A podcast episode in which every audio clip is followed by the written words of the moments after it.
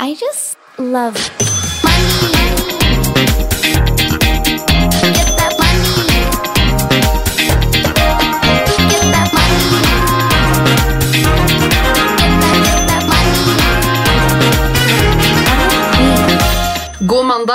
Velkommen til en eh, litt forsinka episode av Karrierekvinner podcast. Eh, Jeg har slitt litt med sår hals og har derfor måttet utsatt eh, innspillingen. Hadde to fantastiske gjester som var planlagt nå i helgen, men det gikk dessverre ikke. Men nå håper jeg dere overlever litt sånn skranglete stemme, litt harking og litt sånn koffeinsjokk. Dagens gjest ble først kjent i offentligheten som pluss-size-bloggeren Curves and I. Senere har hun kasta seg inn i influenseverden, hun har deltatt i offentlige debatter, jobba mye med markedsføring og i hvert fall i mine øyne spesialisert seg litt innenfor merking av reklame for eh, influensere. Og sist, men ikke minst, så kjemper hun for mangfold på tvers av bransjer. Velkommen, Nastaran Kovkabi! Tusen takk. Så stas å få lov til å være med her. Så gøy å ha deg her. Herregud, jeg tenkte liksom, Nå må, må vi ha en liten sånn pause fra å bare skravle med influensere. Så tenkte jeg, ok, men vi har jo deg som, Du er jo influenser, men du jobber også på en måte på andre siden med markedsføring ut mot bedrifter. Du er veldig på det her med merking og reklame. Du er den jeg tenker på med en gang jeg tenker mangfold. så er det jo deg jeg tenker på, så tenker jeg, Sammen kan vi kanskje eh, lære bort litt, da, i tillegg til å bli kjent med deg og din karriere. Altså, det er det fineste komplimentet jeg kan få. At folk tenker på meg når det kommer til de tingene som er viktige for meg her i livet. Eh, både liksom ting jeg er opptatt av, som du nevnte, altså reklamemerking. Eh, Ja. men spesielt mangfold og representasjon. Det har vært så viktig for meg de siste årene. Eh, og det er veldig gøy å høre at du tenker på meg og tenker på mangfold ja, når du tenker på meg. Ja, men det gjør jeg. Du er min go-to-person hvis jeg sitter i en eller annen sånn derre oh shit, oh shit, oh shit. ok. For eksempel at jeg kanskje har tråkka i salaten. at jeg har, eh, Du vet, lagd en TikTok som kanskje ikke burde vært laga pga. omstendigheter rundt. Hvis det er ja, et eller annet feil eller et eller annet som skjer i DM-en min, om det er altså, du vet, influencer-issues når det kommer til mangfold, politiske debatter og sånn, så er det liksom, da er det Nastaran som jeg slider inn i DM-en til. Takk. Det var et veldig, veldig, veldig fint kompliment. Men det Det betyr bare at du, du er flink, du er engasjert og du vet hva du snakker om. Men hallo, du har flytta til Stavanger på sommeren. Du har forlatt finværet. Ikke at vi har så veldig mye av det akkurat nå, men ifølge værmeldinga. Men hva, hvordan går det der? Hvorfor valgte du å flytte? Jeg forstår at det her er veldig utypisk deg å gjøre. Det er veldig utypisk meg å gjøre ting jeg ikke aner hva jeg Altså, jeg vet ikke hva jeg driver med. Vanligvis så er jeg en person som har kontroll på livet mitt. Altså, jeg vet når jeg skal stå opp, jeg vet nøyaktig hva jeg gjør klokka sju, jeg vet nøyaktig hva jeg gjør klokken 16.53. Jeg vet hva jeg gjør om to år og 32 dager. Og nå så var jeg sånn hm, Jeg trenger change of scenario, eller change of scenery. Eh, det har vært et tøft år, og det har det vært for de fleste av oss. Det har vært covid. Eh, sitter mye mer hjemme. Eh, man har hjemmekontor. Ting er litt døvt. Samtidig Mhm. så tenker jeg at det har vært en utrolig unik mulighet for oss alle å reflektere. Og altså for din del, da. Du har jo bygd opp et empire, om man kan kalle det for det. Um, Ja, fy faen. så- så det det året her, uff. og jeg tenker at Det kommer helt an på hvordan man griper det. Um, jeg eh, har en far som ble veldig syk i fjor sommer, um, og så gikk han bort på sensommeren. Uh, så det har jo vært mye der, og hadde det vært meg til vanlig og hadde verden vært åpen, så hadde jeg sikkert emigrert til utlandet og stukket av og bare opplevd verden eh, for å håndtere det på en eller annen måte. Men da var jeg jo stakk i Oslo, da. Eh, satt jeg der i samme leiligheten min og skulle passe på mamma og brødrene mine og passe på at alle hadde det bra. Eh, og midt oppi at du passer på at alle har det bra, så glemmer du jo litt deg selv. Mm. Eh, og så har jeg jo vært i et samlivsbrudd. Jeg har bodd med eksen min ganske lenge etter at det ble slutt. Eh, Ja, det vært, er sykt. det anbefales ikke, men vi har vært veldig gode venner frem til da han møtte en dame. Og jeg har vært ganske cool about it, men han forandret seg jo veldig.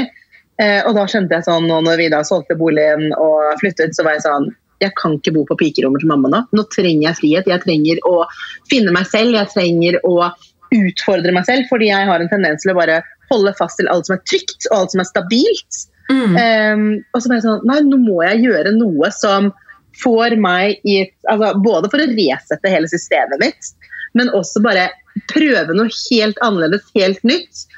Så var jeg i Stavanger Jeg ble med en kompis på roadtrip til Stavanger i mars. Kom på fredag, og på søndag så var jeg sånn hm, Lurer på om jeg skal flytte til Stavanger, jeg. Eh, sender fire mennesker i Stavanger. eh, men da, og nå sitter jeg jo her. Nei, Det er helt Um, sykt. Men det er, altså det er så mye av det du sier nå, som er selvfølgelig dødstrist. Jeg visste, ja, apropos, jeg visste ikke hvor fort det hadde gått uh, med faren din. Og som du sier, da, i en pandemi, men du blei jo tvunget da, til å gjøre altså Ta de refleksjonene, takle den sorgen på en måte du kanskje ikke ville gjort hvis du kunne emigrert deg, bare stikke av gårde, dratt på fylla i Ayia Napa eller hva enn du hadde funnet på. Altså. 100 Du sitter hjemme. eh, Du Altså, i den perioden da pappa gikk bort jeg, Vanligvis hadde du klemt og vennene dine og grått med de, og gudene vet hva du ikke hadde gjort. på en måte. Jeg kan ikke Jeg fikk, fikk og ga sikkert maksimum fem klemmer i den perioden, og så sitter du alene fordi alt er shutdown. Alt er Mhm. stengt, og du blir etterlatt i mye større grad med dine egne tanker og dine egne perspektiver og din egen sorg. Ehm, på godt og vondt. Altså, jeg har vokst utrolig mye det siste året. Jeg håndterer situasjoner på en helt annen måte. Jeg har klart å håndtere angsten min og panikkanfallene mine på en mye bedre måte enn det jeg hadde gjort tidligere når livet har vært hektisk og man løper fra et sted til et annet. Fordi nå har jeg vært tvunget til å sitte i det og faktisk håndtere det. Mm.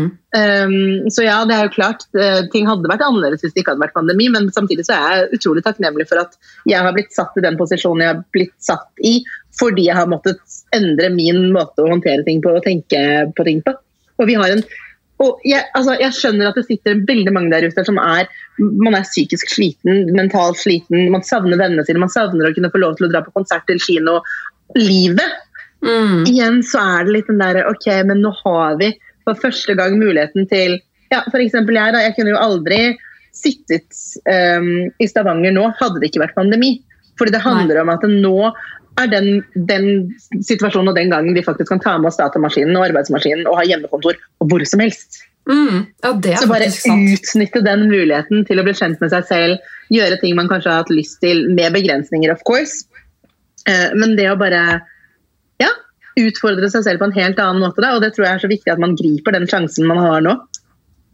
Herregud, Det er helt rått at du gjør det. Jeg sitter her og tenker sånn Åh, det er pandemi, nå skulle jeg liksom selvrealisering og bla, bla, bla. Og jeg skulle begynne å trene. Og så ble jeg sånn, hva faen, jeg har vel gjort egentlig nok det året her til at jeg skal begynne å tenke på liksom, Nemlig!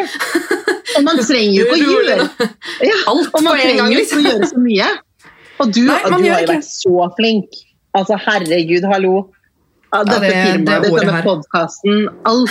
Og jeg tenker at man, vi skal ikke stille så høye krav til oss selv, men jeg tenker at det er viktig å utvikle seg og um, bruke den muligheten man har til å reflektere over hva man vil og hvor man vil, ikke minst.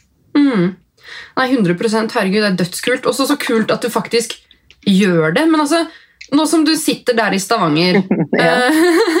Du sier at du har liksom tatt med deg Mac-en, og nå er det bare å kjøre på hjemmekontor. Eh, For de som kanskje ikke kjenner deg like godt, da, fortell litt om deg selv, utdanning, karriere. Hva gjør du nå? Hva, hva er planen din nå i Stavanger? Hvor lenge skal du bo der? Hva skal du jobbe med? Halvparten av dette her vet jeg ikke svaret på, fordi for første gang i livet mitt så er jeg sånn Ja, ja, men jeg går dit vinden tar meg. Eh, men jeg eh, jeg føler liksom at mitt karriere, eller min karriere starta i 2013. Eh, da gikk jeg på um, Høgskolen Kristiania og gikk PR og markedsføring. Og var sånn, Dette her er jo det jeg har tenkt at jeg alltid vil jobbe med. Og jeg har alltid på en måte vært veldig utadvendt. Jeg har jobbet mye med kommunikasjon. Jeg har vært ungdomspolitiker. Jeg har alltid vært veldig opptatt av å formidle gode historier. Mm. Eh, Men når jeg først begynte å forankre dette her teoretisk ved å ta en bachelorgrad, så var jeg sånn Dette her er selvfølgelig det jeg skal jobbe med. Um, og da brukte jeg, sånn som du nevnte tidligere i dag på innledningsvis, så startet jo jeg en plus size-blogg i 2013 eh, som het Curves and I. Jeg var også en av 30 finalister i Miss Plus Size International, noe som på en måte åpnet veldig mange dører for meg for den bloggen. Um, Mm. og da tenkte jeg sånn, nå skal jeg bruke meg selv som case. Så jeg brukte meg selv og min merkevare, som da var Curves and I på den tiden, som en case til å jobbe med markedsføring og kommunikasjon aktivt. Altså, jeg skrev pressemeldinger om meg selv. Ja, det er kleint. Men, men jeg lærte så mye, og det åpna så utrolig mange dører inn til Medie-Norge. Eh, Mm. Jeg var plutselig en stemme. Um, på den tiden så var jo ikke kroppspositivisme en greie. Så plutselig så ble jeg hun dama som var tjukk og syntes at det var helt greit, og var stolt av hvem jeg var og sto frem og var sånn Men dette her er meg, take it or leave it. Um, så det åpna opp for veldig mye, og grunnen til at jeg startet denne bloggen i utgangspunktet, var jo det at um, jeg har en opprinnelse fra Iran. Og helt siden jeg var liten, så har jeg alltid følt meg underrepresentert. Jeg har aldri sett mennesker som ligner på meg, verken etnisitetmessig, størrelsemessig, høydemessig. Altså, jeg har aldri sett den representasjonen. Og jeg trengte den inspirasjonen rundt den tiden i 2013 da jeg startet denne bloggen. og tenkte sånn, men Hvis jeg leter etter den inspirasjonen, hvis jeg trenger dette her, så er det garantert mange flere der ute som trenger det samme. Mm. Eh, og det var jo motivasjonen min for i det hele tatt starte en kroppspositivistisk bølge. Eh, og, og stå frem. Og selvfølgelig øvelse gjør mester, så jeg starta jo ja, Du er jo usikker når du skal legge ut det første bikinibildet av deg selv. og Ja, er du gæren? du, altså, u Uavhengig av hvor mye du veier, tror jeg. Mm. Eh, men ekstra ille vil jeg tro, eller var i hvert fall for meg, som ikke da er en del av den der kroppsidealet og eh, normen i samfunnet på hvordan man skal se ut. Ja, I hvert fall på den tida. Nå er det jo liksom litt flere, men du var Ja, jo veldig tidlig ute. Ja, og, og, og, ja, det var jo den første offisielle plus size-bloggen, eller altså profilen, i Mm. Norge. Um, ja, så da gjorde jeg jo det, og så var jeg ferdig uteksaminert fra høyskolen i 2014 og starta rett i kommunikasjonsbyrå. Um, og var fortsatt sånn Kommunikasjon er det jeg skal drive med. Og ved siden av så drev jeg jo fortsatt denne her eh, Curves and I, eh, som etter hvert ble Nastaran Kavkabi. fordi jeg tenkte men selvfølgelig skal jeg bare være meg selv. Jeg trenger ikke å være et brand, jeg er brandet. Mm. Um, så jeg har liksom jobba parallelt med det, samtidig som at jeg har jobbet med kommunikasjon både i Gelmeiden Kise, som da er et byrå. Jeg har jobbet i Comfort Hotel, uh, som da har 33 hotell i hele Norden, og jobbet som kommunikasjonssjef der. Jobbet da i Oslo kommune enhet for mangfold og integrering. Fordi igjen, mangfold og representasjon er Mhm. utrolig viktig for meg. Og de to siste årene så har jeg da jobba som selvstendig næringsdrivende. Starta et bitte lite kommunikasjonsbyrå. Um, elsker den fleksibiliteten eh, man har ved å være selvstendig næringsdrivende. Du kan si ja til hvem du vil jobbe med, og du kan si nei til de som ikke passer inn i ditt verdibilde. Mm. Eh, så det er helt nydelig. Eh, så nå sitter jeg her og jobber litt med kunder og skal ta en prosjektsertifisering i Stavanger. Den er jo også digital, så den kunne jeg også tatt fra hvor som helst. Og blir her foreløpig ut sommeren, så får vi se hva det blir til. Herregud, så deilig! Åh, du har gjort så mye kult! Men altså, hvis vi skal ta deg litt eh, tilbake igjen, da. Du mm. hadde jo bloggen Curves and I, og så gled du jo som alle andre over i Instagram, og nå ser du på deg selv som en influenser? Nei. Eh, Kroppspositivist? Altså, hva er det du ser på deg selv som på Instagram? Hvem er du på Instagram? Er På du Instagram er jeg 100% ærlig om meg selv. Mhm. Um, jeg merker jo det at det har jo dabbet av på hvor mye aktivitet eh, jeg har på Instagram, og hvor, aktiv jeg er. Men når jeg først legger ut noe, så er det viktig for meg å få lov til å ja, vet du hva? Det spørs helt på hvordan man anser en influenser. For influenser, hvis man ser på det norske året, så er det det å påvirke. Eh, og jeg er veldig opptatt av å få lov til å være med å påvirke med mine erfaringer og perspektiver og tanker og følelser og meninger. Og det vil jeg jo si at jeg gjør i stor grad, fordi jeg deler veldig mye av meg selv. Og jeg merker jo også det på responsen. Jeg er dønn ærlig på liksom oppturer, nedturer og angst og kjærlighetssorg. Mhm. Eh, og det tror jeg folk setter pris på.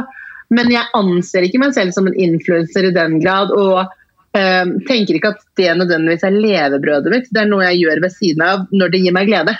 Eh, og så er det veldig fint å se at mitt liv og det at jeg deler av meg, også er med og gir andre glede. Mm. Fint sagt. Men du har jo da, litt sånn som meg, vært med helt fra begynnelsen av. Vi var jo altså Herregud, nå var det jeg kasta meg på bloggbølgen av 2008 eller noe sånt. Mm.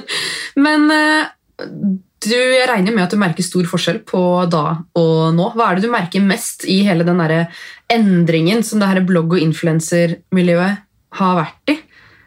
Jeg synes Altså, jeg det er har helt jo blitt en helt annen greie med tanke på at folk altså før, Hvor mange var det som levde av det her før? Fem? Ti? Ja, ja. Maks.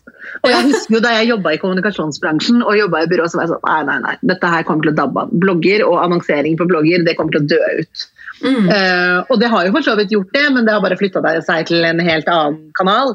Um, og jeg tenker det at eh, på godt og vondt, da. Uh, jeg tror at veldig mange lever av det, og veldig mange blir reklameplakater også på ting de ikke nødvendigvis um, brenner for eller har troen på selv. Samtidig så har Instagram nå gjort det enklere å finne inspirasjon, det har gjort det enklere å finne um, medmeningsfeller. Det har gjort det enklere å ikke føle deg så ensom og alene, verken i sorg eller angst eller um, størrelse eller representasjon. Og så syns jeg det er så fint at alle har blitt litt sånn småaktivister. Mm. Vi, vi deler så mye, altså utrolig mye viktige nyheter fra rundt omkring i hele verden. eh, og er med og påvirker egentlig altså Alle har blitt opinionsledere. Vi er Mm. med og påvirker nyhetsbildet, og vi er med og påvirker eh, endringer i samfunnet. Og det syns jeg er skikkelig, skikkelig fint. Det er så kult at du sier det, for det er faktisk eh, et av spørsmålene. Sånn, hvor viktig tenker du at eh, det er at influensere og offentlige personer deltar da, i disse bevegelsene og debattene og disse politiske sakene som skjer rundt i verden? Og hvorfor skal man gjøre det? Fordi man kan jo bli en skyteskive. Jeg snakker av erfaring. Mm. Men eh, hvorfor er det her så viktig? Jeg tenker det er viktig nettopp fordi vi har fått et talerør. Um, og, det er jo det jeg egentlig ser på mine kanaler som. Et talerør. Jeg har faktisk blitt gitt en mulighet til å dele mine perspektiver, og det er noen som tar dem på alvor. Noen ganger plukkes det opp av Aftenposten, andre ganger av Dagbladet, andre ganger av en 16 år gammel jente som trenger å educates eller trenger litt inspirasjon eller råd i livet. Eh, og jeg tenker at sammen er vi sterkere da.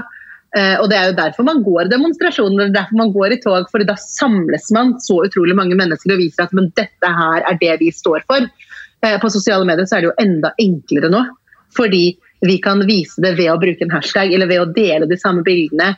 eh, og og sett, stille krav til både Mm. regjering og bedrifter og virksomheter og andre mennesker. Og selvfølgelig, ja, som du sier da, jeg vet jo at man kan bli en skyteskive, men man vil aldri finne noen som alltid vil være enig med deg. Nei, det er 100 sant. Sant? Du, du, kan, du, kan, du, kan være, du kan dele noe fra en konflikt, og så er det alltid noen som vil sitte på andre siden og si men jeg er uenig i at dette her er den, den sårbare siden. mm. Eh, Så jeg tenker det at man må droppe litt det å være skyteskive, og tenke sånn, vet du hva, dette deler jeg. Og så er det jo så utrolig mange som forventer noe. Her forleden dag så fikk jeg faktisk en melding på Instagram fra noen som sa jeg er kjempeskuffet over deg, fordi du har ikke delt noe om eh, det som skjer i Palestina. Mm. Så sa jeg først og fremst så skal jeg si det at jeg har delt om både Colombia og jeg har delt om Palestina. Men for meg, jeg blir så personlig involvert når jeg driver med aktivisme. Eh, både fordi man eh, utsetter seg for et traume ved å sitte der og se på alle tingene og lese om alle tingene og se på bildene, men dette her er jo selvfølgelig realiteten til noen andre. Så det er et Mm. privilegium å få lov til å sitte her og Se på se det på, gjennom ja, se på det. Eh, men samtidig så tror jeg det også må være Man må eh, passe på at man ikke hele tiden deler ting fordi andre forventer det, og, eller ikke deler det fordi andre forventer at du skal mene en viss ting eller gjøre ting på en viss måte. Eh, til syvende og sist, selv om man er en offentlig person på sosiale medier, så må man også verne om sitt eget liv og sine egne følelser og tanker. Og jeg blir så personlig engasjert at jeg Mm. kan faktisk ikke Nei, altså jeg merka det så sykt med den Palestina-konflikten mm. at jeg blei fysisk dårlig. Jeg klarte ikke å jobbe på flere dager. Jeg lå i senga til elleve. Jeg gråt. Altså, jeg var helt, altså, men det er noe med det da, at når man først har hoppa inn i det, da, først har delt eh, Da tenker jeg at da må folk forstå at jeg har satt meg inn i det, jeg har delt det, og det at folk fortsatt bomber meg, holdt jeg på å si, det var veldig feil eh, ordbruk her, men at folk fortsatt spammer meg med bilder av døde babyer hver eneste dag. Jeg kan få 500 Mm. bilder av døde barn i innboksen min, og jeg sitter her på jobb, og det er bare sånn Hvordan skal man vite hvordan man skal bevege seg, da, hvordan man skal kontakte influensere for å prøve å få de til å dele? Jeg ser jo noen som har um, uh, kontakta influensere og sagt kan du være så snill å ta et standpunkt her. Og nei, jeg velger å ikke dele um, eh, politiske debatter i mine sosiale medier, f.eks. Mm. Jeg kan liksom på én måte uh, så kan jeg forstå det, men på en annen måte så tenker jeg liksom at vi må jo bruke stemmen vår. Og så er det litt det også som Kristin Gjelsvik eh, sa under et event vi hadde på Equal Agency, at um, hvis alle skriker, så er det ingen som blir hørt. Mm. Men det er bare den der, finne den der balansegangen, hva man skal dele, hvordan man skal gjøre det, hvordan man skal gjøre det riktig, ikke for mye, ikke bli for personlig involvert. Det er jo umenneskelig vanskelig å klare å balansere alt det her, men jeg tenker liksom til syvende og sist, da, ta et standpunkt, del noe, om det så bare er et Vipps-nummer. Da har du i hvert fall Helt enig. Helt enig. Og når du sa det, så fikk jeg litt, gåsehud. For det er nettopp det. Vi kan gjøre noe uansett hva vi gjør. Eh, Mm. Det er bare, altså, jeg har ikke delt noen bilder av sårede mennesker, f.eks. For eksempel, fordi jeg vet ikke hvordan det trigger mine følgere. Jeg vet ikke om jeg har eh, noen med krigstraumer som Mm. følger meg. Så Derfor er det viktig for meg også nå å på en måte eh, dele ting som er faktabasert, men som også viser alvoret i det. Men som, som f.eks. under i 2020, etter drapet på George Floyd også, Mm. så ble jeg jo opplært. Ikke sant? Fordi uansett hvor woke du er, så kan du alltid bli mer woke. Eh, og da ble jeg jo opplært i dette her ja, med traumer, da. Ikke sant? Mm. At man um, Trauma porn. At når du deler sånne videoer av at mennesker blir lynsjet eller drept, så er det noe man feeder på i Vesten. Og så er det en folkegruppe der ute som blir traumatisert av dette. Hadde det Mm. gud forby skjedd noe med deg, så hadde jo ikke du villet at det bildet av deg skulle bli spredt på hele sosiale medier. Det er jo ikke Nei. sånn du ville husket, det er jo ikke sånn du har lyst til at mennesker skal huske deg. Så jeg tenker at det er viktig å liksom forholde seg litt til sak. Eh, og så må man, må man beskytte seg selv til tider. Og Mm.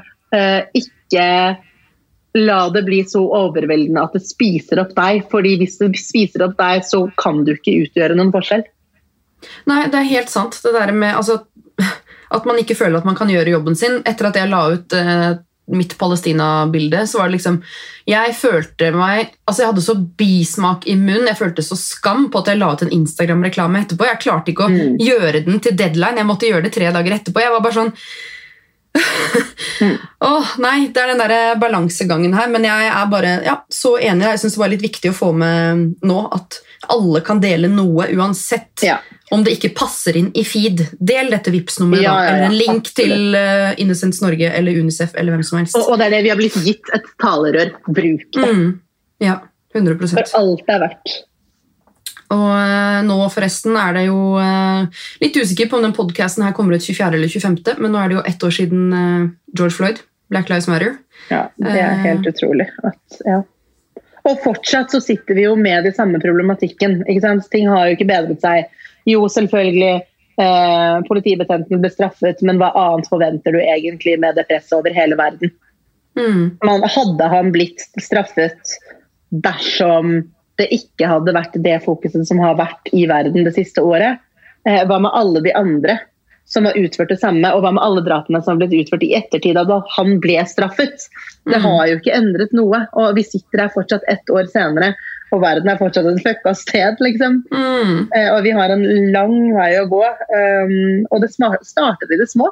Det starter i aksept, det starter i respekt, og det starter i at man må bryte ned strukturelle ismer i samfunnet. Mm.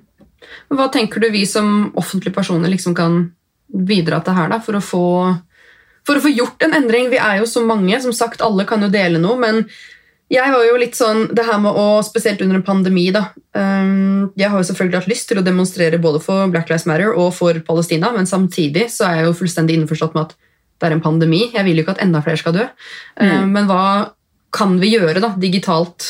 I hvert fall nå da, for at uh, Black Lives Matter for eksempel, skal få en liten sånn um, Hva skal jeg si? At det skal på en måte våkne litt igjen, da, som du sier at har blitt glemt. Vi kan jo yeah. se om det skjer noe automatisk, men det skjer jo aldri noe Men, automatisk. så. men det er jo en ongoing struggle. Ikke sant? Mm. Og, og det er enkelt for oss å dele noe i sosiale medier. Samtidig så er det, det er mennesker som lever dette livet.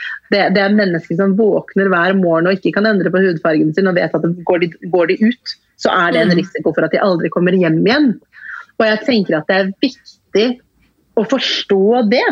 Altså jeg, tror, Mm. jeg tror det er så utrolig viktig å lære mer om eh, strukturene i samfunnet. og Jeg tror det er utrolig viktig å lære om hva som foregår rundt i verden. Fordi jeg har fått høre at ja, men herregud, du har jo ikke noe å klage på, du bor i Norge, her er vi jo ikke rasister. Og så ble jeg sånn Nei, ok, da sier vi det. Eh, og, og det er sånne ignorante kommentarer, og det er ansvarsfraskrivelse.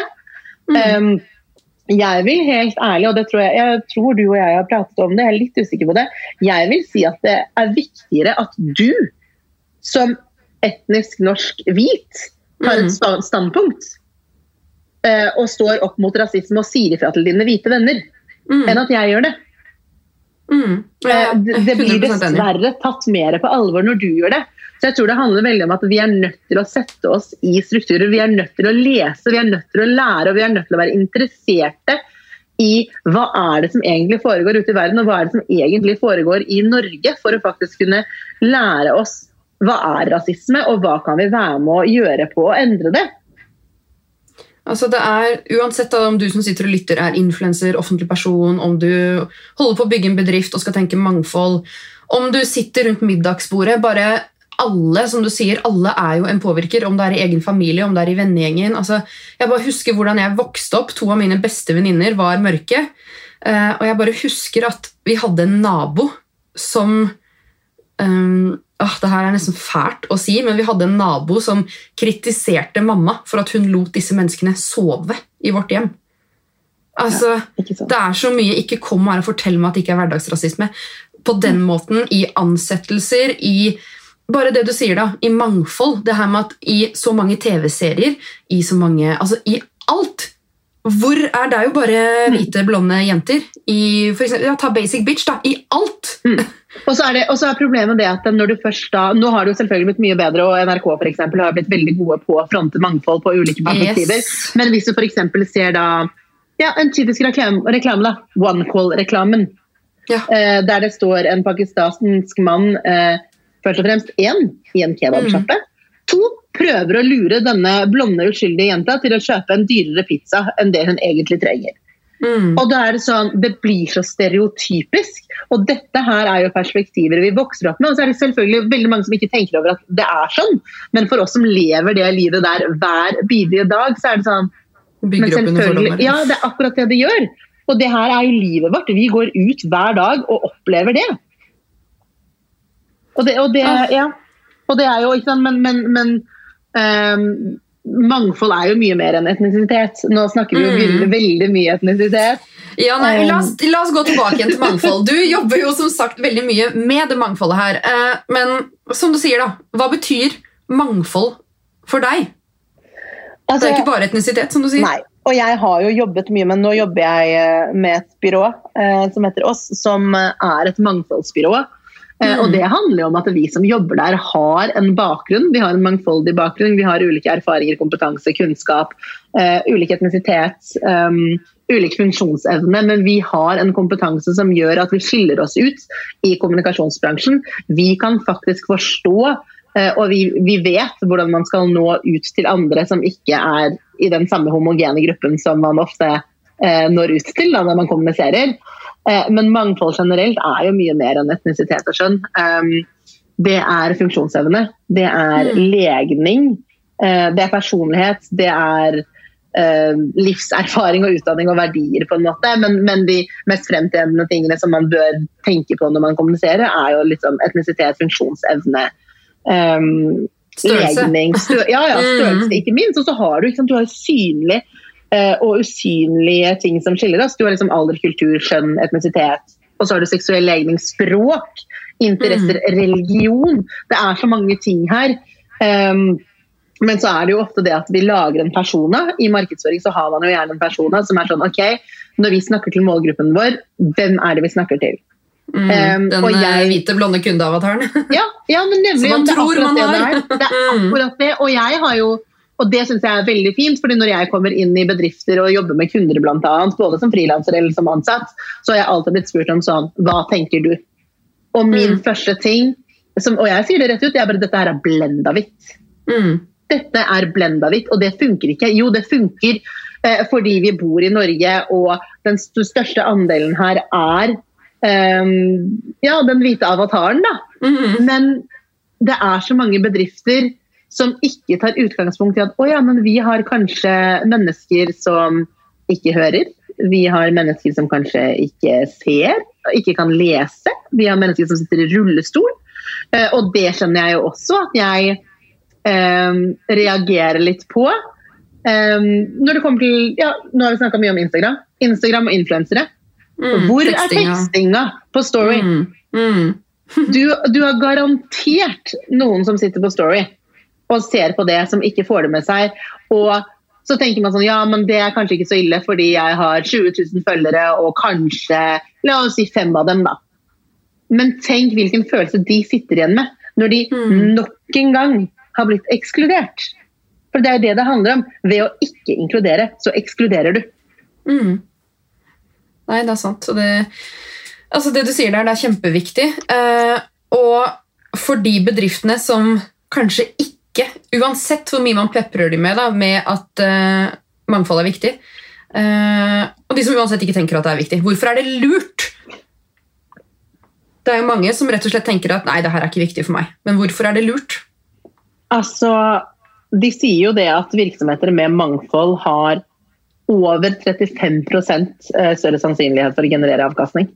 Mm. Um, og i hvert fall i dagens samfunn, når man ser at altså det er veldig mange virksomheter som har gått på den smellen, som har da vist en homogen gruppe i markedsføringen sin, f.eks., og de har blitt tatt på det. fordi Mm. alle har fått et talerør, og alle kan Yes. si ifra. Og så fort man sier ifra, så er det flere som slenger seg på bølgen fordi de er helt enige i kritikken, f.eks. Uh, men så er det noe med det at det, mangfold er viktig eksternt, men det er like viktig internt eh, i rekruttering. fordi har du ikke mangfold internt, så kommer du ikke til å klare å lykkes med mangfold eksternt. Har du ikke noen med nedsatt funksjonsevne, så kommer du ikke til å klare å huske på de menneskene med nedsatt funksjonsevne når du lager neste reklamefilm. Mm. Eh, har du ingen med en, en annen etnisk bakgrunn, så kommer du ikke til å klare å huske at du må involvere de eh, i neste kampanje.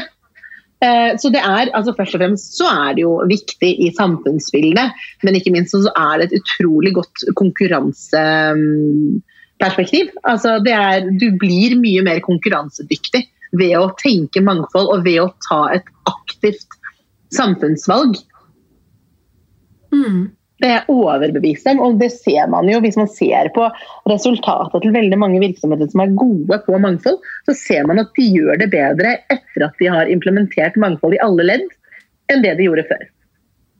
Ja, Det er rart at man egentlig ikke forstår det. Altså, Vil du selge mer, så må du treffe flere. Sånn er det jo bare. Mm, absolutt.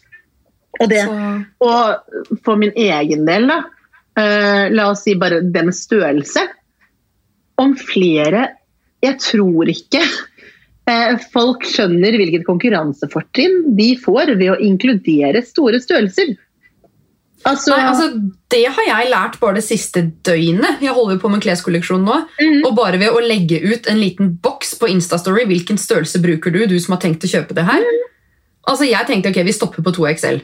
Mm. Nei, nei, vi kan ikke stoppe på 2XL. Er du gal? Ja, men det er akkurat det. Og, og fordi det sitter så mange mennesker der ute som ikke har de mulighetene til å gå i de kule klærne til vanlig, f.eks. Jeg Mhm. personlig har jo hele livet mitt vært sånn OK, den passer, da tar jeg den. Og så har jeg aldri kunnet være sånn Ja, dette her er min personlige stil.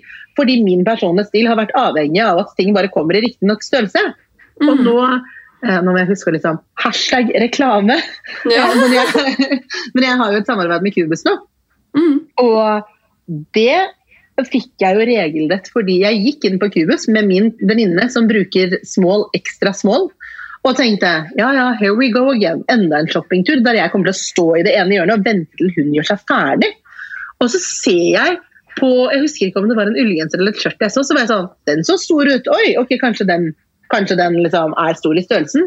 Så ser jeg at det søren meg går opp til 3XL. Yes, Jeg tenker- 56, ass! Hva skjer her nå?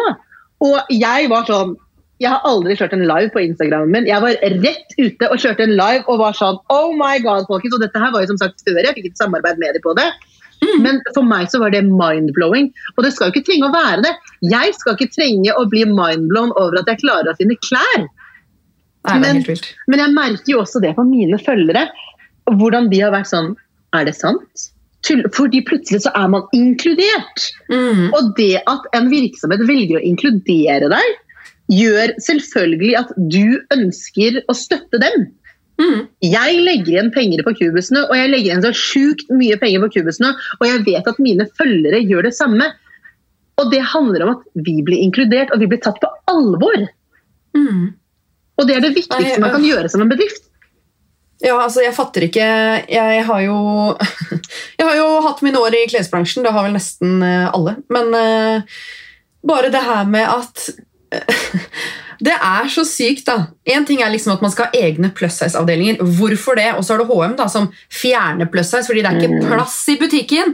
Men så har du tredje, da. Hvorfor designe plagg som ser ut som Jeg vet ikke hva jeg skal kalle det engang. Som ser ut som Ja, men sånn rutete, blomstrete Altså jævlige greier. Er det sånn å ja, fordi du er litt større, så har du dårlig smak? Ja, ja, ja men det er akkurat det. da. Men, men det er noe med det at vi som er litt større, har i alle år bare tatt til takke med det vi får. Mm. Mens nå kan vi begynne å stille krav. Og det husker jeg liksom eh, Helt siden ja, jeg engasjerte meg i dette her i 2013, og jeg snakka om liksom, motebransjen og sånt med magasiner og TV og sånn, så var jeg sånn Du skal ikke lenger enn til England, der du finner de samme plaggene i ekstrasmål, og du finner dem i 4XL. Og Mm. det gjør du jo plutselig nå da, f.eks. Ja, hos QBS Eh, Mm. Men sånn som du nevner, da, HM som har da fjernet eh, plus size-avdelingen sin. Her, sant, da kan man også begynne å stille spørsmålstegn til virksomheter. Og ok, en av dine kjerneverdier og en av dine samfunnsansvar er eh, bærekraftighet. Mm. Hvor bærekraftig er det, Benedikte, at jeg bestiller klær fra HM? Skal vi se, Jeg bestiller sånn ca. tre størrelser av alt. Dette blir pakket i plast, dette blir sendt Mm. til meg i en ekstra stor eske fordi jeg bestiller så sjukt mye. Og jeg sender tilbake to tredjedeler. Fordi jeg ikke får prøvd det i butikk. Mm. Og da motsier du deg selv, da, fordi mangfold er viktig for deg, eh, eh, inkludering er viktig for deg, bærekraft er viktig for deg. Men det øyeblikket jeg setter meg ned og bestiller plus size som jeg ikke finner i butikk, og jeg må bestille flere størrelser og jeg må sende det retur, så har du motsagt deg selv som Mm. virksomhet. Og der tenker jeg at det er viktig å implementere alt, alle kjerneverdier også i hvordan man oppfører seg som bedrift. Uansett hvor liten bedrift du er, eller hvor stor bedrift du er. Eh, og jeg tenker også det at eh, uavhengig om du jobber med interiør, sminke, klær eller hva du driver med, så er det viktig å tenke hele veien at ok, hva er mine kjerneverdier? Er dette produktet eller er disse bildene med på å fremme de? Og har jeg mangfold i det jeg driver med? Hvordan snakker jeg? Hvem snakker jeg til, og hvem har jeg tatt med av eh, min, i min bildebank? da? Mm. Hvordan ser den ut? Er den blenda hvit? Har jeg Mm. noen mennesker med en annen funksjonsevne enn det som er normen?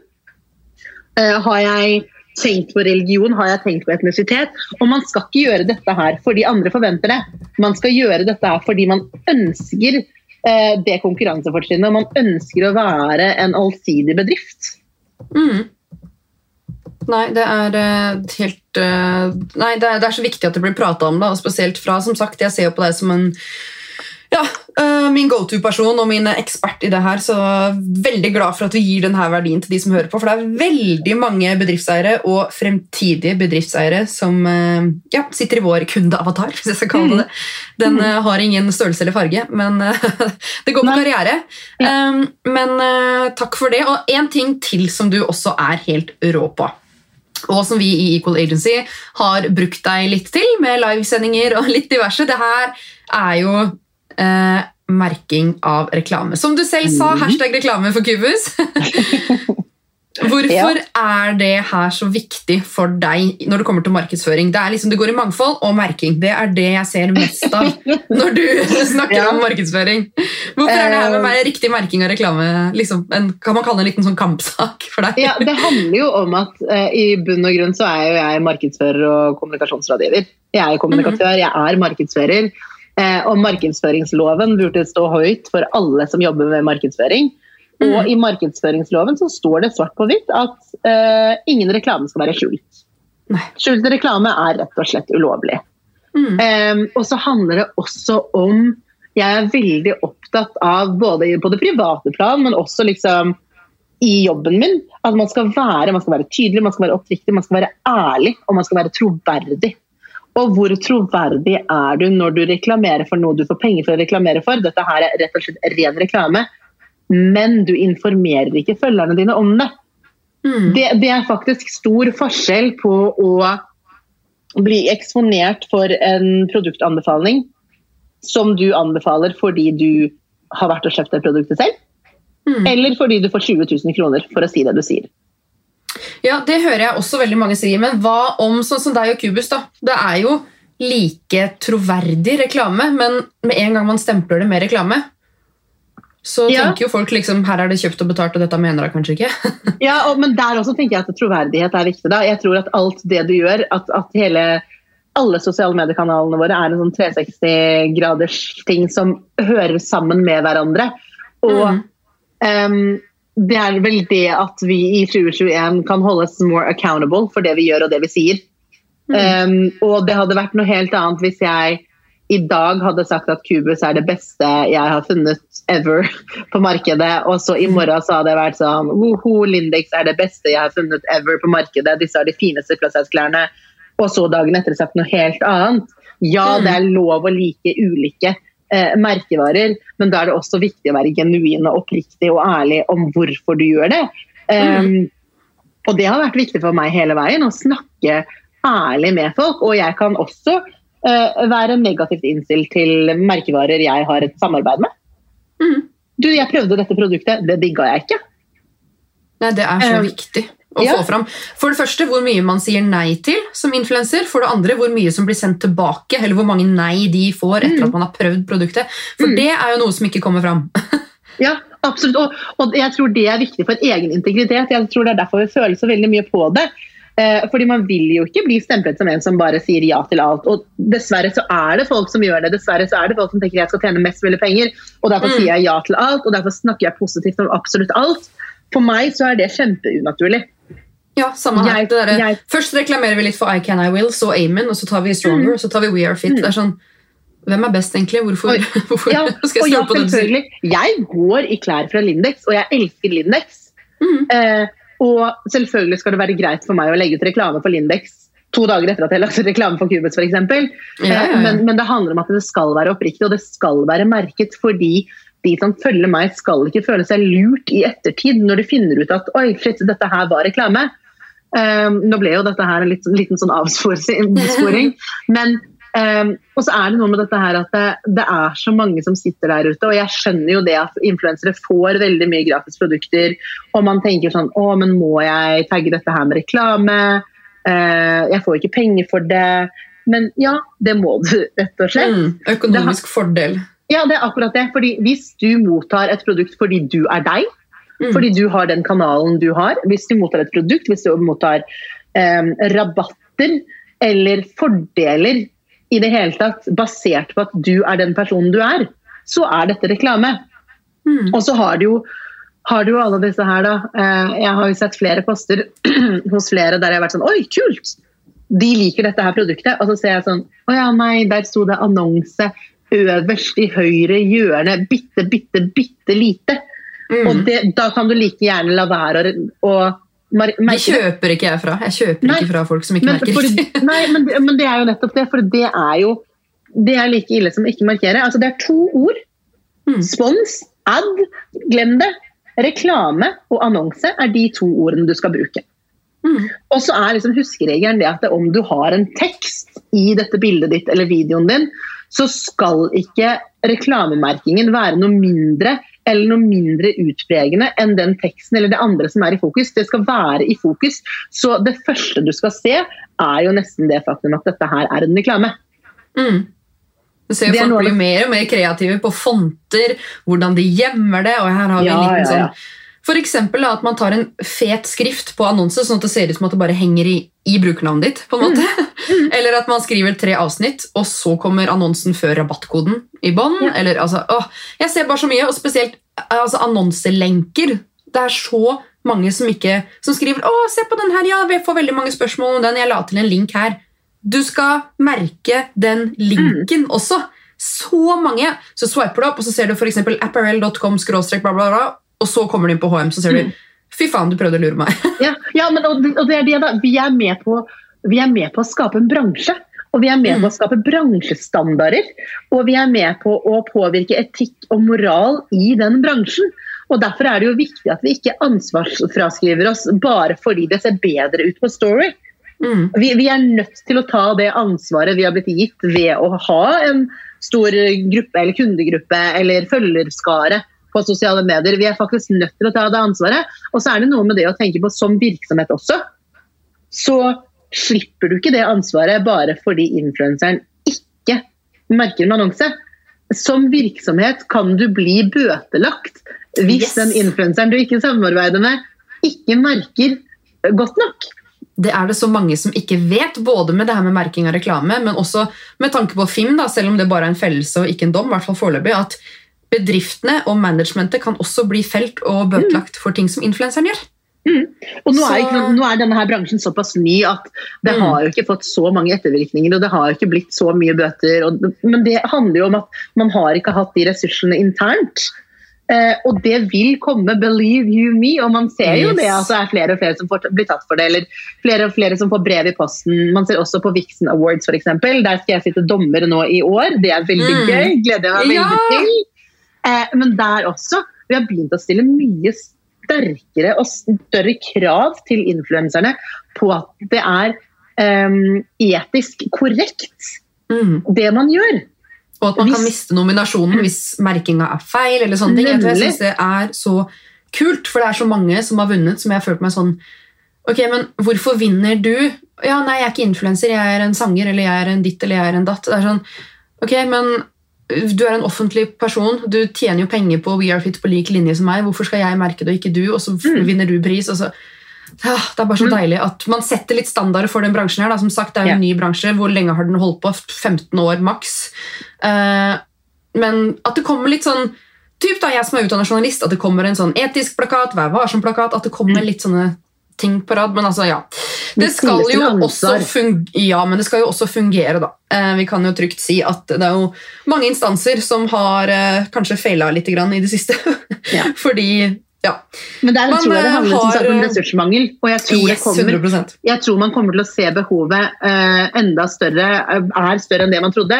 Og så kommer man til å få de ressursene, og så kommer det en smell på de Mm. som da ikke har gjort det i alle år. Men til syvende og sist så handler det jo også om troverdighet. ikke sant? Du, Mm. du vil jo være troverdig. For som influenser så er du en bedrift.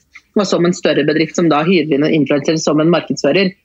Så du, du har et ansvar, og jo mer troverdig og transparent og allsidig man er, jo mer vil man få ut av det i det lange løp. 100 Det. Ja, ja, ja, ja. Du selger mer hvis folk stoler på deg. Sånn er det jo bare. Mm. Det, du er en salgskanal som influenser, og ja, bruke den riktig. Men eh, det. altså, hvordan er de reglene her, og hvilke regler ser du bruk, altså, brytes oftest? En ting er det her med merking av reklame, men det er jo også um, til tider kanskje litt vanskelig å forstå de reglene her, spesielt når det kommer til konkurranser på Instagram og Facebook, som vi også snakka mye om, Eh, og at det ofte hvert fall fra Forbrukertilsynet sin side, er anbefalinger istedenfor et lovverk. Hvordan skal man liksom forholde seg innenfor det her? Ja. Ting er å alltid tenke reklame og annonse. Bare Hvis du er usikker, merk det. Men konkurranseregler da, det er jo noe veldig mange ikke kan noe om, og som du og jeg har diskutert frem og tilbake, som vi egentlig kanskje er litt usikre på. I hvert fall jeg er fortsatt sånn Er det lov å tagge en venn? Er det ikke lov å tagge en venn? Jeg ser jo til og med ja, store byråer da, som burde kunne de reglene her, som har Mm. tagg en venn-konkurranser. Facebook, Facebook først og fremst, altså, der er det uaktuelt. Der står det svart på hvitt veldig tydelig at det ikke er lov. Mm. Instagram, der er regelverket litt mer sånn opp til egen tolkning. For det eies av Facebook, men det er likevel ikke Ja. egne regler for Nemlig. Instagram. Sånn, Og så er det mm. sånn, er det, sånn der, det er litt sånn opp til egen tolkning. Uh, det er jo ganske tydelig. Det kommer jo frem at man ikke skal tagge andre bilder som ikke er i de. Um, og så er det Det har, vært mye diskusjoner og det har vært mye uenighet om det er lov eller ikke er lov. Eh, men så er det også litt sånn Hvis man skal se på det andre på hva altså, Hvis du ikke ser på regelverket, Mm. men ser på konkurranser og tagging og oppfordringer til tagging generelt, så tenker jeg at som virksomhet så må du tenke sånn Det viktigste med å ha følgere på sosiale medier, er jo at du har følgere som følger deg fordi de vil følge deg. Mm. Fordi de anser innholdet du deler som relevant. Ikke fordi de følger deg bare fordi de kanskje skal vinne noe. Og så Mm. aldri engasjere seg i deg igjen. Nei, dårlig Også- engagement rate. Ja. Det, Ikke sant? det hjelper ikke Og så er det noe med dette her at det, eh, det å oppfordre Det står jo også i regelverket at man skal heller ikke spamme andre. Og Mm. det gjør du jo i veldig stor grad når du oppfordrer andre til å tagge andre. Ja. Ja, jeg har vært med og tagget noen venner innimellom. Jeg skal innrømme det. Jeg skal ikke si at jeg aldri har gjort det. Men det er jo ikke noe som er mer irriterende enn at det er en konkurranse, og alle vennene dine er med på den, og alle tagger deg. Og du får notifikasjoner herfra til helvete fordi noen har mentioned you i en kommentar fordi de så inderlig gjerne vil vinne den koppen. Og det er så enkelt å tagge noen. Men det, det bidrar jo til spam i feeden til folk, og det bidrar jo også til eh, at det blir en mindre relevanse. Ja, du får supermye kommentarer på den ene posten din, og ja, du får antageligvis noen nye følgere fordi folk vil vinne. Men Mm. hvor relevant er det egentlig for deg? Og hvor mye verdi har de følgerne for deg egentlig, som bortsett fra at følgerantallet ditt går opp? Ja, det er helt viktig. Jeg tror det er veldig mange som ser seg litt blind på det her med at følgerantall betyr så himla mye. Jeg har sagt det til så mange influensere som jeg har coacha. Sånn, hvis du ligger på 10 100 følgere, men du har ræva engagement rate, slett dem og havn i hvert fall under, 9, altså under 10 000. Da, for med en gang du har den swipe up-greia, bedriftene kommer til å forvente så sinnssykt mye mer om deg, og du kommer ikke til å klare å levere hvis du har ja, uengasjerte følgere. Da. Men jeg har satt en sånn eh, Fordi jeg eh, Når er det vi snakka om det her sist? Det begynner vel nesten å nærme seg et år siden. Vi begynte Ja, å prate om dette merke, merkereglene. Men um, jeg kutta jo helt ut å si 'tagg en venn' i mine konkurranser. Men nå har jeg gjort det sånn at hvis det er en premie hvor du og vennen kan vinne, der har jeg funnet ut at der tenker jeg grensa mi går, da, med tanke på at regelverket Mm. er så utydelig. At hvis det er to premier, og du og vennen din kan vinne, så er det i hvert fall ja, for min del, for mine verdier, er litt mer innafor. Men jeg Mm. savner jo det her tydelige regelverket. da. Jeg gjør det. Ja, men det er jeg helt enig i. Det hadde vært fint å ha noe svart på hvitt å forholde seg til. Men også merker man jo det også på f.eks. Facebook, at veldig mange tenker sånn Ja, men her er det et lite smutthull. Eh, og istedenfor taggen venn er sånn Hvem synes du fortjener eh, en helg der? Eller sånn Hvem ville du tatt med deg på hotellovernatting? Og da ender det jo opp med at man tagger med folk, og så vil denne posten spre seg i mye større grad. Og det er Mm. selvfølgelig også kjipt for de som på en måte holder seg til regelverket. Og så er det også kjipt fordi vi er med på å skape en bransje Mm. som da blir såpass splittet, der noen følger spillereglene og andre ikke gjør det. Åh, det der er så vanskelig, for man har jo lyst til å bare Tagg en venn! Selvfølgelig har man lyst til det. Følg Men samtidig så vil man gå fram som et godt forbilde, driver et Ja. kommunikasjonsbyrå og bare Kom igjen, folkens, vi må være med og endre bransjen. Men Ja, men det Nei, jeg, jeg har jo vært veldig streng på det med mine influensere i Equal Agency tidligere, men jeg kjenner at det blir vanskeligere og vanskeligere å være streng på det når regelverket er så utydelig. Mm. Og så ser man at andre gjør det, og så er man sånn, ja, Mm. men den personen, sånn som du nevnte innledningsvis her, ja, men det er store byråer som burde kunne det, som gjør det. Innrømme. Ja, og da selvfølgelig så sier man sånn, ja, men se her, disse her gjør det, og så skal ikke lille jeg gjøre det. Så jeg forstår jo det der behovet og den trangen for å gjøre det. Uh, men, men så tenker jeg sånn, uh, ja, tenk, bare gjør det som føles riktig for deg, men tenk litt på at man er med å utvikle en bransje, og hvilken type bransje vil vi ha. Mm. Jeg gjør det jo ikke, selvfølgelig har jeg lyst til det, selvfølgelig har jeg lyst på flere følgere, men jeg vil jo at du skal følge meg fordi du vil følge meg, ikke fordi du vil vinne den koppen. Kan man eventuelt eh, legge til 'følg meg hvis du har lyst'? tenk. Please follow, tag og følg Tagg en venn du tror kunne tenke seg å følge meg. Hvis vedkommende vil. Ja. Herregud.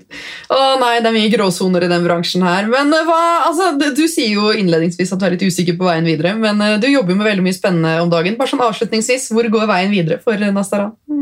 Det blir masse mer aktivisme. Det blir mer fokus på mangfold. Eh, Jeg er veldig opptatt av i disse dager, og det, det tenkte jeg litt på her forleden dag. Når jeg gjør noe nå, så stiller jeg meg selv spørsmålet Gjør dette meg glad? Kommer dette til å gjøre meg glad? Og hvis svaret er ja, så gjør jeg det. Hvis svaret er nei, så dropper jeg det. Eh, og det er veldig deilig å ha den fleksibiliteten og den friheten til å gjøre det. Eh, og så kommer jeg eh, Selvfølgelig, regningene må jo betales, og ny leilighet må kjøpes, og eh, man må gjøre det man må gjøre for å overleve. Men uh, i mye større grad så kommer jeg til å fokusere på meg selv og min egen lykke, og det å være med å endre samfunnet og verden til, et, til å bli et bedre sted. Det høres veldig klisjé ut, men det er målet mitt her i livet. og jeg har Helt siden jeg var liten så har jeg sagt at jeg skal aldri forlate denne jorden før jeg har um, satt inn fotavtrykkene mine. Mm. Så jeg vet ikke helt nøyaktig hva jeg skal, men big things are gonna happen. Åh, jeg heier så sykt på deg, og jeg har så trua på deg. Og takk for alt du har lært meg, Equal Agency og alt. Og så håper jeg jo vi kan gjøre masse kult samarbeid framover. Jeg har jo lyst til å bruke dine mangfoldsekspertise, din mangfoldsekspertise, var det jeg skulle si, til mye. Jeg har mange kule planer, så vi, vi snakkes, eh, vi er snakkes snart. Litt business. Alltid klar med litt mangfoldskompetanse i sekken. Gøy. Nei, men masse lykke til med Stavanger og kjærlighetslivet og selvrealisering. Takk. Og så må alle sammen gå inn og følge eh, Nastaran Kovkabi på Instagram. Og så er det vel Kovkabi Kommunikasjon som du heter på Instagram også? Stemmer. Den er Yes. ganske død, men den skal også gjennomføres veldig snart. Så bra. Og så som alltid, Equal Agency, Benedicte Haugård.no og Karrierekvinner hvis du har lyst til å få med deg siste nytt og litt eh, business-tips og behind the scenes fra hva vi driver med. Ha en fantastisk fin uke, så snakkes vi neste mandag. Ha det bra! Ha det!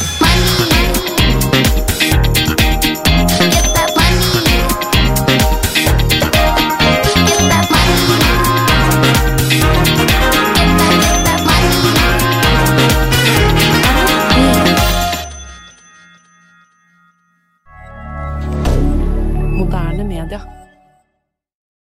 Har du et enkeltpersonforetak eller en liten bedrift? Da er du sikkert lei av å høre meg snakke om hvor enkelt det er med kvitteringer og bilag i fiken, så vi eh, gir oss her, vi. Fordi vi liker enkelt. Fiken superenkelt regnskap.